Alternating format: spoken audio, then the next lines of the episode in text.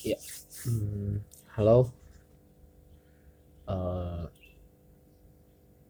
gue memutuskan buat eh, rutin sih, mau rutin lagi gitu, eh, ngurusin ini podcast karena kasihan gitu udah gue tinggal lama banget, udah nggak pernah kesentuh. Ya, yang udah gue ceritain di episode sebelumnya karena gue sibuk pindahan dan sekarang malah gue tuh eh, jarang ada di internet. Jarang ada di internet karena lagi sibuk, ya gak sibuk juga sih sebenarnya. Lagi maraton film. Gue tuh lagi lagi apa ya? Lagi apa sih? Lagi hype gitu. Nggak nggak hype sih. Lagi lagi pengen banget nontonin western series. Lagi pengen nonton western series yang sekarang gue tonton tuh eh, Little Weapon sama The Last Man on Earth. Itu dua dua series yang gua tonton setelah dapat spoiler dan akhirnya gue memutuskan buat nonton itu. Karena ya eh, basically gua gua tipe orang yang nggak apa-apa sih sebenarnya dapat spoiler gitu nggak apa-apa. Justru malah eh, pertimbangan gue untuk nonton satu film itu berdasarkan spoiler orang-orang. Itu jadi mending mending kayak eh, cerita aja dulu gitu, cerita aja dulu. Ya detail dikit nggak apa-apa lah gitu. Baru ntar uh, gue tonton gitu. Kalau emang gue tertarik. Tapi kalau spoiler dari ceritanya aja udah nggak tertarik ya gue sih nggak pengen nonton gitu. Jadi gue sih nggak masalah gitu. Nggak masalah uh, buat nonton film gitu. Karena ya ya maksudnya gue gua nggak masalah nonton film di spoilerin gitu. Karena pada dasarnya ya dikit gitu genre yang bisa gue tonton tuh dikit. Karena uh, gue nggak nonton horor nggak nonton yang uh, psikopat psikopat gitu gue nggak nonton lah. Terus yang romance gitu. Drama mungkin nonton tapi ya dikit lah gitu. Kebanyakan sih komedi gitu. Jadi ya ya gitulah intinya. Makanya kenapa gue minta spoiler dulu tuh biar kalau ada adegan berdarah-darah gitu dan itu darah-darahnya tuh banyak gitu ya mending gue nggak nonton sih. Em, anime juga anime anime juga sama. Kayak gue nonton eh, anime tuh kalau bisa nyari yang eh, ada orang gitu biasanya ada ada orang yang nulis satu review tapi cenderung lebih ke spoiler sebenarnya di blog pribadinya gitu kan. Kayak pengalaman dia nonton satu film ini gimana atau satu satu cerita anime ini gimana. Nah biasanya kan ada ada yang kayak gitu tuh. Nah itu sering tuh gue bacain gitu. Sering gue bacain. Karena gitu tadi eh, pertimbangannya karena gue kalau nonton film harus di spoilerin dulu ya emang ke pengalaman untuk terkejutnya gitu pengalaman dalam menonton film tuh jadi agak berkurang karena kita udah tahu nih jalan ceritanya kayak gimana. Tapi ya gue tetap terhibur gitu. Gue bisa bisa terhibur dengan itu gitu. karena ya orang kan nggak mungkin cerita detail banget gitu kan. Kayak pada frame segini karakter ini pindah ke sini gitu itu kan nggak mungkin. Jadi ya bisa masih bisa terkejut lah gitu meskipun dikit sih. Terus apa ya akhir-akhir ini lebih sering eh, tidak berhubungan dengan media sosial sih. Jadi kayak gue menghabiskan waktu di YouTube menghabiskan waktu buat maraton film. Di YouTube tuh gue lagi suka mantengin channelnya Gadgetin channelnya David tuh. Nggak tahu eh, akhir-akhir ini. Ya ya emang dulu dulu gue suka nonton sih. Cuman akhir-akhir akhir-akhir ini gue jadi pengen banget nonton lagi karena eh, HP sekarang tuh makin gila-gila sih. Kayak eh, Redmi 9T itu bentar lagi rilis terus ada Realme juga terus Oppo. Padahal waktu gue nontonin videonya David gitu itu masih Poco M3 kalau nggak salah per per episode ini di record ya. Itu Poco M3 terus em, bentar lagi ada Redmi 9T yang bakalan masuk sebagai uh, entry level killer gitu. Jadi makanya gue gue suka banget nontonin nontonin channel dia gitu. Um, terus sama channel-channel yang ngebahas soal green energy gitu. Gue juga suka nontonin kayak orang orang-orang yang masangin uh, solar panel gitu-gitu orang-orang yang nanam pohon gitu kemarin gue nonton videonya uh, Mr. Beast yang nonton 20 juta pohon kalau nggak salah 20 juta pohon bersama dengan salah satu yayasan gitu yayasan pecinta lingkungan itu mereka punya campaign untuk menanam 20 juta pohon. Jadi siapa pun yang mau donasi silahkan ke ke yayasan tersebut gitu atau melalui Mr. Beast gitu. Dan itu menurut gua kayak uh, heartwarming. Heartwarming banget gitu. Kayak masih ada orang-orang yang peduli dengan lingkungan. Masih ada orang-orang yang berusaha menyelamatkan bumi. Kayak uh, mungkin udah pernah gue bahas kali ya setiap orang tuh yang emang peduli soal bumi gitu. Kan ada tiga tipe orang tuh. Yang peduli dengan bumi dengan cara nanam pohon terus tidak buang sampah. Intinya intinya menyelamatkan yang ada gitulah. Terus dua orang yang gak peduli sama sekali ya dia bodoh amat gitu. Terus yang ketiga orang-orang yang uh, milih buat pindah ke planet lain milih buat pindah ke planet lain jadi kayak NASA terus ilmuwan-ilmuwan yang paham soal astronomi gitu mereka berusaha cari planet baru yang yang mirip dengan bumi gitu. Jadi uh, kalau misalnya udah ketemu planetnya gitu itu ntar bakalan mereka bakalan sibuk terotak buat gimana cara nyari kendaraan yang muat untuk semua penduduk bumi buat pindah ke sana gitu. Atau mungkin kalau nggak muat semuanya ya udah sebagian ditinggal di sini. buat yang nggak mampu bayar ya udah sebagian tinggal di sini aja gitu. Jadi ya menua dengan menua dan mati di bumi yang yang kayak gini gitu jadi kayak ngebayanginnya juga kayak uh, apa ya era distopia gitulah post apokaliptik dan apa ya ngomongin soal green energy kemarin juga uh, ada video gitu yang lewat di di homepage YouTube gua. Itu tuh soal iPhone yang ternyata tuh ini video udah udah lama sebenarnya. Udah sekitar beberapa tahun yang lalu kayaknya. Ada iPhone yang um, itu tuh ada solar panelnya gitu iPhone 10 iPhone 10 itu uh, itu dia kerjasama sama salah satu brand gitu nggak tahu apa itu dipasangin solar panel.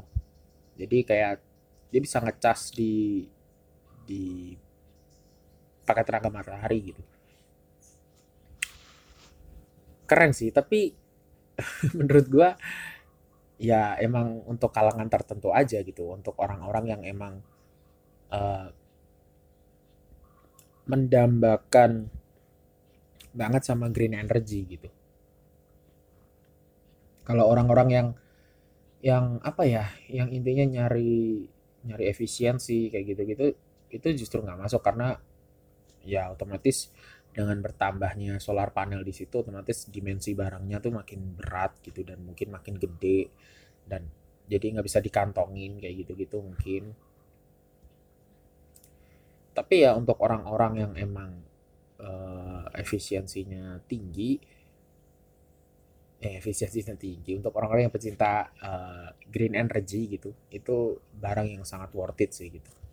Dan mungkin untuk kolektor juga mungkin bisa sih itu itu cari barang itu tuh. Tapi yang pengen gue pertanya yang pengen gue tanyain sih ada sesuatu yang pengen gue tanyain tuh kalau bisa ketemu sama brand itu ya kenapa gitu itu dipasangin uh, solar cell gitu. Maksud gue kan nggak banyak itu orang yang mau panas-panasan main HP apalagi ninggalin HP-nya buat dicas gitu. Nggak tahu kalau kalau di kalau di luar negeri ya mungkin negara yang minim angka kriminalitas gitu. Tapi kayak kebayang kalau di sini gitu. Di sini kan sinar matahari melimpah nih. Saking melimpahnya sampai yang suhunya 40 derajat gila nah kayak gitu kan nggak mungkin ya ninggalin ninggalin uh, HP di di tempat panas supaya itu ngecas gitu. Ditambah dengan kayaknya juga nggak banyak orang yang mau panas-panasan sekitar jam 1 siang buat main HP itu menurut gua sih. Kalau misal uh, kalian ada bangku taman gitu terus kalian tinggalin HP kalian di situ terus kalian neduh. Apalagi HP-nya kan uh, iPhone 10 gitu. Udah hilang jelas. Udah hilang. Itu udah kayak ngasih uh, tikus makanan jatuh tanpa perangkap. Udah hilang jelas. Tapi untuk negara-negara yang angka kriminalitasnya rendah mungkin bisa. Tapi untuk negara dengan angka kriminalitas rendah tuh cenderung iklimnya dingin. Jadi ya, ya gitulah intinya. Ya itu tapi sebuah terobosan yang bagus sih, sebuah terobosan yang bagus. Ya siapa tahu bisa jadi pertimbangan untuk ke depan ke depannya.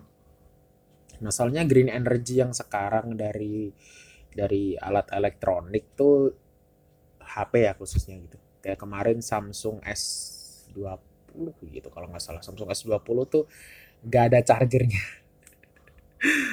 Jadi chargernya tuh dijual terpisah gitu. Gila. Gue nggak tahu sih. Itu tuh maksudnya apa? Coba. Kayak konsumen tuh disuruh beli lagi buat uh, itu. Buat dapetin charger doang. Yang mana HP itu jelas butuh charger dong gitu ya konsepnya sih katanya biar um, apa ya untuk mengurangi sampah gitu-gitu loh. Ya pusing lah gitu. Pasti kalau brand kalau brand gitu ya apalagi brand gede macam Samsung itu pasti punya tujuan tersendiri lah. Nggak tahu kalau misal itu nanti duit chargernya itu atau mungkin chargernya dikasih harga mahal terus sebagian duitnya dipakai buat uh, recycling gitu. Ya nggak tahu juga sih. Tapi kalau emang cuman pure kapitalis sih parah banget sumpah. Pakai bel-embel uh, menyelamatkan bumi lagi. Terus um, soal menyelamatkan bumi kan juga uh, pasti nggak lepas dari emisi karbon kan gitu Kayak kemarin gue juga baru baca ada salah satu page gitu di Facebook.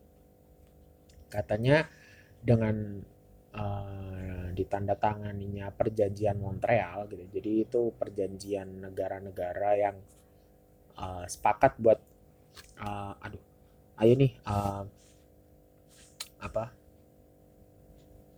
uh, perubahan iklim gitu global warming ini isu yang serius gitu. Ayo kita menandatangani sebuah perjanjian di mana negara kita bakalan ikut serta untuk memerangi global warming gitu. Nah, itu itu katanya setelah ada perjanjian itu gitu, para ilmuwan tuh bilang kalau lapisan ozon di bumi itu bisa pulih lagi tapi ya nggak sekarang sih gitu mungkin uh, satu abad ke depan gitu jadi nanti ada chance buat bumi itu balik lagi ke ke zaman dulu gitu. Dan yang mana itu bagus gitu karena ada banyak negara-negara yang udah concern gitu ke climate change. Salah satunya tuh Norwegia kalau nggak salah. Norwegia itu uh, udah mulai uh, apa ya uh, ngeban. Jadi ngeblok mobil-mobil uh, yang masih pakai bahan bakar apa sih minyak gitulah intinya. Intinya bahan bakar kayak gitulah. Jadi mereka berharap uh, ke depannya gitu semua mobil yang ada di di Norwegia itu tuh mobil listrik. Yang mana itu nanti bakalan ada charger-charger gitu di pinggir jalan. Jadi kalau misal parkir ya bisa dicas gitu lah nah, itu salah satu langkah yang bagus juga sih gitu. Langkah yang bagus dan otomatis memperkaya Elon Musk. Gila Tesla. Tesla masuk Indonesia by the way. Tesla masuk Indonesia dengan harga yang kemarin gue bisa ngecek gitu kan. Harganya sekitar 3 miliar. Untuk orang-orang yang emang punya duit dan uh, concern ke green energy gitu pasti beli sih tapi untuk orang-orang yang concern doang gak punya duit ya tetap gak beli gitu. Um, apa ya? Bagus sih sebenarnya. Kayak kayak kebayang gue nanti uh, kalau misal apa sih penjual bensin eceran gitu itu tuh di kios di depannya gitu ada charger buat buat mobil. Aduh aduh. Jadi kayak ada warung gitu mampir seret gitu terus nah, bu ngecas 30 menit. Iya mas 10 ribu. Ngecas di situ. Aduh, aduh. Tapi ya apa pun lah apa pun menyelamatkan bumi lah. Karena kayak nyari nyari satu planet di antara jutaan gitu. Kayak kayak di galaksi Bima Sakti aja lah gitu. itu ada 200 miliar bintang by the way. Jadi kebayang gak sih kayak manusia harus nyari satu satu itu bintang ya bintang tuh jadi berarti kayak matahari gitu. Belum lagi soal eksoplanet atau planet yang memutari bintang gitu. itu kebayang berapa banyaknya. Kayak kalau misal ada eksoplanet berarti ada satelit gitu ada satelit alaminya gitu kan. Kayak kalau di bumi itu ada bulan gitu kan. Nah itu belum lagi ilmuwan tuh harus nyari, harus nyari tahu berapa banyak satelit yang dimiliki eksoplanet ini di antara 200 miliar bintang yang ada di galaksi kita gitu. Kayak wow.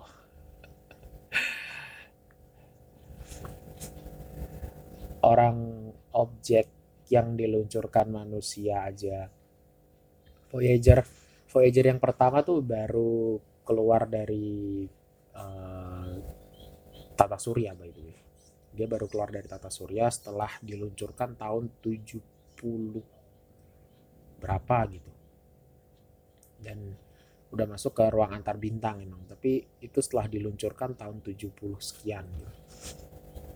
kayak kebayang gak sih? Itu perjalanan jauh banget dan itu aja baru keluar dari tata surya kita yang mana itu adalah uh, Merkurius sampai uh, Uranus gitu. Pluto dianggap nggak ya? Gue tuh nggak tahu. Pluto lah gitu. Anggap aja sampai Pluto lah dari Merkurius sampai Pluto gitu. Itu aja baru keluar gitu. Makanya susah dari jadi daripada daripada sibuk mencari ya udah rawat aja yang ada gitu makanya dengan adanya perjanjian Montreal tuh um, itu langkah yang bagus sih langkah yang bagus buat menyelamatkan apa yang sudah kita punya.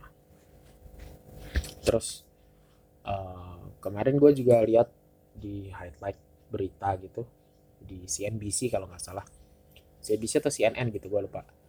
Uh, gue gua nggak baca isi nggak baca isinya sih, cuman kayak Elon Musk uh, bilang bahwa katanya tahun ini otak manusia tuh bisa ditanam chip. Aduh, gue nggak tahu lagi lah. Kayak kebayang gak sih? Gue tuh ada di fase di mana uh, eh, HP tuh masih jadi barang yang sangat mewah kayak dulu tuh kayak dulu tuh uh, kartu perdana itu itu tuh satu hal yang mewah gitu bahkan kayak gue tuh masih ada di zaman di mana ada provider namanya Star One dan Ceria ada Star One, ada Ceria, dan dulu tuh HP-nya masih kayak 3315 gitu dan ada tulisan Satelindo gitu. Tiba-tiba dilempar ke zaman yang di mana udah ada apa ya, udah ada Face ID gitu, HP dengan Face ID.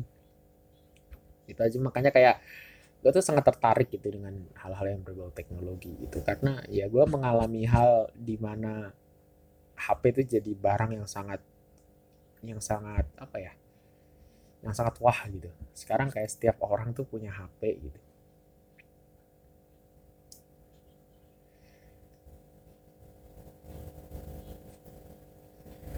dan dapat berita bahwa tahun ini manusia otaknya bisa ditanam chip. Yang katanya chipnya tuh bisa uh, setelah gua gua cari ya. Tapi gue cuman lihat di highlightnya doang sih gitu. Gue nggak sampai masuk ke ke kolom beritanya gitu. Nggak sempet baca katanya chipnya Elon Musk tuh bisa kalau misal ditanam ke monyet gitu itu tuh monyetnya tuh bisa main game. Aduh. Kebayang jadi apa sih? Uh, Planet of Apes. Kita manusia harus berantem sama monyet buat rebutan planet gila jadi Terminator Terminator tuh nggak nggak bakalan ada. Kita harus melalui fase Planet of the Apes dulu baru ke fase Terminator.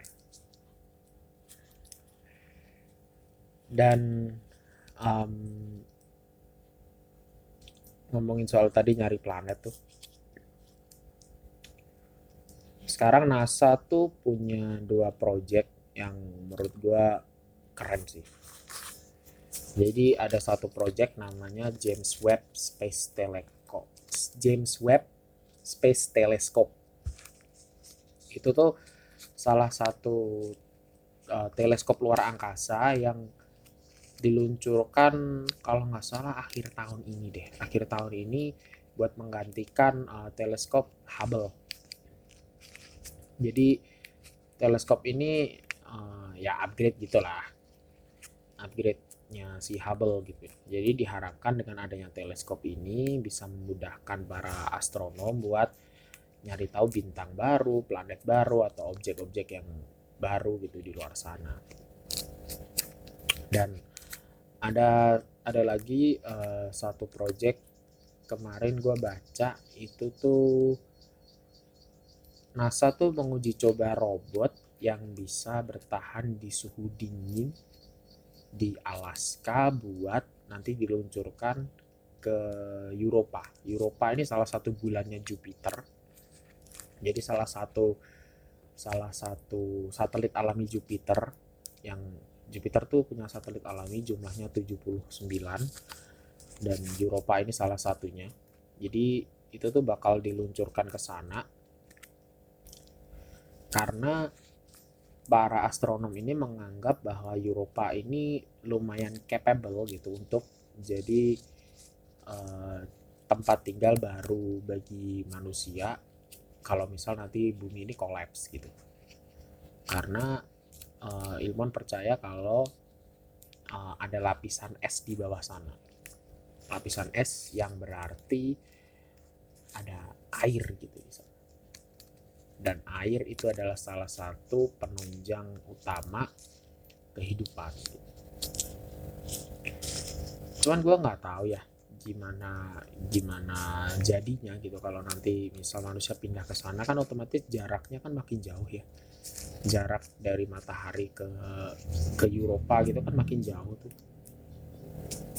Orang di bumi aja menurut gua udah pas gitu. Kayak di tempat tinggal gua nih kalau lagi panas ya panas banget. Kalau lagi dingin ya dingin banget gitu. kayak kebayang kalau di sana tuh makin jauh jaraknya gitu otomatis sinar matahari perlu banyak waktu nggak sih untuk sampai ke sana gitu? Karena kan ada kecepatan cahaya gitu kan. Dan ya otomatis kalau semakin lama semakin lama sinar matahari sampai ke sana otomatis tempatnya akan makin dingin gitu. Jadi ya itulah intinya.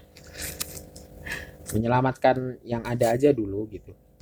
Baru ntar uh, nyari-nyari planet.